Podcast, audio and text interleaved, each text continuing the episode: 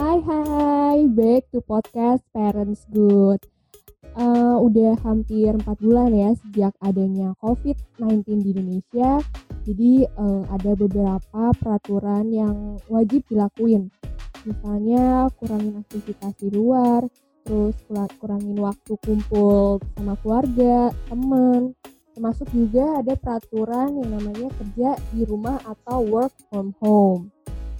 Nah, dari WFH ini orang tua jadi fokus sama pekerjaan di rumah di episode 2 sekarang ini kita akan bahas mengenai membagi waktu dengan anak saat WFH.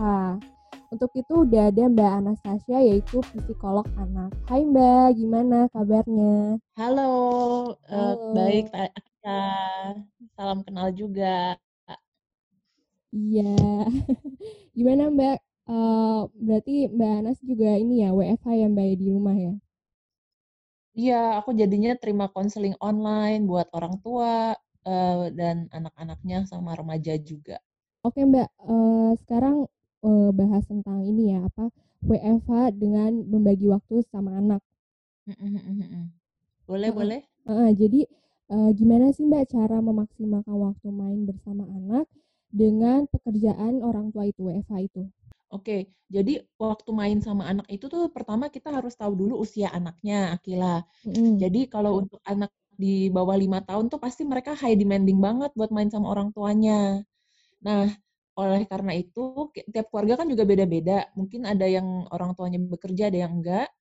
Jadi eh, kita perlu bikin jadwal bersama. Nah, biasanya kalau anak-anak kecil itu bisa kalau kita ajak ngerti rutinitas atau jadwal dengan kita bikin uh, jadwal itu yang pakai gambar. Di internet banyak tinggal googling aja daily schedule for kids.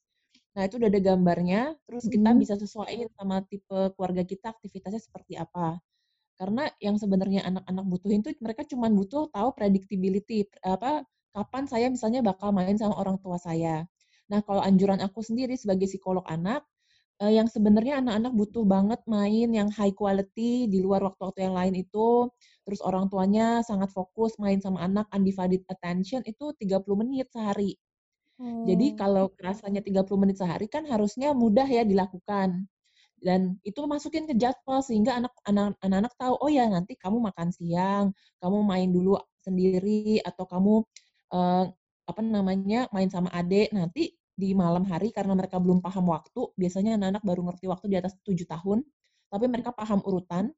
Jadi setelah ini, ini, ini, ini, nanti di jam yang eh, di, di jam yang ke ini atau di jam yang tu, jam tujuh atau di urutan ke enam kita hmm. baru main bareng di situ. Nah, namanya kita sebut special time. Jadi setiap kali orang tua main sama anak itu dia bilangnya special time. Jadi kan paham dong kalau special time nggak bisa setiap saat gitu. Hmm. Jadi sehingga orang tua juga punya waktu juga untuk uh, melakukan hal-hal lain yang harus dikerjakan. Oh, gitu. Jadi uh, lihat uh, jadwal dari orang tua sendiri, terus uh, langsung bagi waktu dengan anak itu ya, Mbak ya? Iya, hmm. betul. Nah, terus juga uh, tiap keluarga itu kan juga jumlah anaknya berbeda. Tentu kalau makin banyak anaknya, uh, makin sulit buat ngatur waktu seperti ini. Karena tadi aku bilang satu anak itu butuh special time 30 menit. Dan hmm. ini special time itu bisa di divariasi jadi special time one on one anak sama ibu, anak sama ayah. Terus kalau punya hmm. dua anak berarti special time one on one anak pertama sama ibu, nanti anak kedua sama ibu, anak pertama sama ayah, anak kedua sama ibu. Itu jadi kita perlu sadar ketika kita punya anak manusia, dia bukan hanya punya kebutuhan fisik, tapi juga punya kebutuhan emosi yang kita penuhi waktu kecil tuh dengan temenin main, dengan enjoy waktu main sama dia, sehingga uh, buat saya pribadi sebagai psikolog anak, saya sangat nggak merekomendasi orang tuh punya banyak anak karena makin banyak lagi kebutuhan hmm. emosi dan waktu dari kita yeah. dan energi yang harus kita penuhin. Kalau bapak ibu merasa sanggup dan mampu, monggo. Tapi apakah optimal? Saya nggak yakin nih. Apalagi di zaman sekarang ya, mungkin kalau zaman kakek nenek kita masih memungkinkan gitu.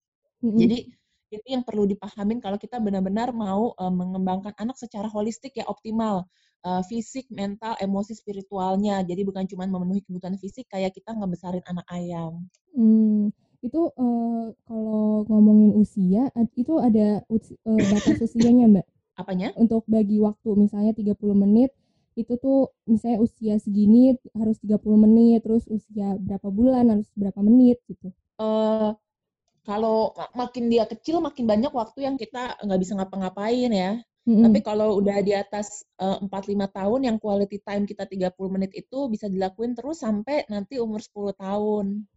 Nanti mm. tinggal berubah cara bermainnya aja. Kalau anak-anak di bawah 5 tahun tuh mainnya harus aktivitas fisik. Kayak lari di rumah kayak lompat-lompat, terus kita bikin halang rintang sendiri di rumah. Terus kita main kayak apa permainan tradisional tuh yang apa yang lompat-lompat tuh apa namanya? Oh iya, aku. yang itu pakai kapur gitu ya mbak? Ya? Iya, kayak gitu oh, di iya, rumah. Iya. Uh, anak-anak tuh anak-anak kan imajinatif banget. Mm. Jadi kita bisa bilang ini main halang rintang di dalam rumah atau obstacle course. Pakai aja barang-barang di rumah terus uh, lomba siapa duluan. Mm. Terus kalau di postingan Instagram aku, aku juga bikin namanya connection games. Jadi gimana kalau kita sebagai orang tua udah capek, terus kita perlu anak-anak butuh main, nah mainnya itu pakai badannya orang tua juga. Hmm. Dan anak-anak itu sangat senang bermain yang melibatkan sentuhan fisik sama orang tuanya supaya anak-anak dari kecil itu otaknya punya database, oh sentuhan yang nyaman, yang menyenangkan dari orang yang disayang tuh seperti ini ya. Jadi kita main uh, pijit-pijitan, terus kita main gantian pakai lotion, terus kita apa suka dulu kita mungkin kalau di sekolah ya suka main tebak angka atau huruf pakai punggung belakang kita. Uh, uh, iya. Kalau sama anak-anak bisa kita sesuaiin. Kalau dia belum paham angka, kita pakainya uh, lingkaran, segitiga.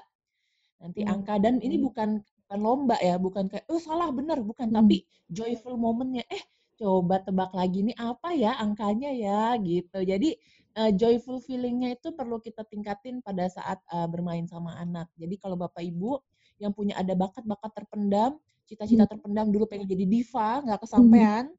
Nah, saatnya bermain di bawah tujuh tahun itu kita perlu ekspresif, intonasi suara perlu dimainin, karena dengan cara itu mereka menyerap informasi dan jangan salah dari kegiatan bermain yang menyenangkan, kita juga ikut membantu kesiapan otak anak untuk belajar secara akademis. Eh, buat Bapak Ibu yang mendengarkan, jadi orang tua tuh ada dua hal yang harus kita punya. Yang pertama, kemampuan self-care, mengelola emosi dan mengelola stres kita. Karena hmm. sebagai orang dewasa, kita juga punya banyak uh, stres, tekanan, tuntutan. Tapi juga perlu paham bahwa stres itu ada stres yang baik, ada stres yang nggak sehat. Nah, stres baik itu adalah tekanan yang kalau kita rasa itu bikin kita lebih semangat, lebih excited.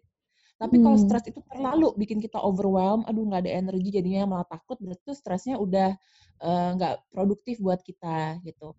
Nah yang kedua itu selain kita belajar mengelola diri kita secara emosi, perlu tahu info-info informasi perkembangan anak. Mungkin salah satunya lewat podcast seperti ini ya. Hmm. Karena buat kita sebagai orang dewasa, kita akan lebih mudah berpikir solusi dan memahami sesuatu kalau kita tuh tahu ini tentang apa. Misalnya, kalau Bapak Ibu melihat di rumah anak umur 2 tahun suka banting-banting barang. Kalau kita tahu itu adalah karena perkembangan otaknya dan itu adalah uh, proses pertama anak belajar pemahaman sebab akibat, oh kalau barang dilempar dia tuh jatuh. Itu kan uh, pemahaman sebab akibat ini basic science yang akan diperlukan nanti pas sekolah. Jadi kalau kita tahu, kita bukan yang ngecap anak ini, oh dia nakal ya, oh dia tuh uh, gangguin saya ya gitu. Karena sebenarnya nggak ada anak nakal dan nggak ada anak yang intensi buat merusak atau mengganggu kita tapi dia tuh lagi masa perkembangan otaknya. Nah itu yang perlu bapak ibu tahu juga. Hmm oke. Okay. oke okay, mbak Anas makasih banyak informasinya sharing-sharingnya hmm. mbak. Iya sama-sama Kila ya Nah, itu dia e, cara gimana orang tua bisa memanage waktu WFH-nya dengan bermain bersama anak. Makasih ya Mbak, see you next time. Oke, dah. Dah. Oke, sekian dari episode 2. Tungguin terus episode selanjutnya di Parents Good. Dah.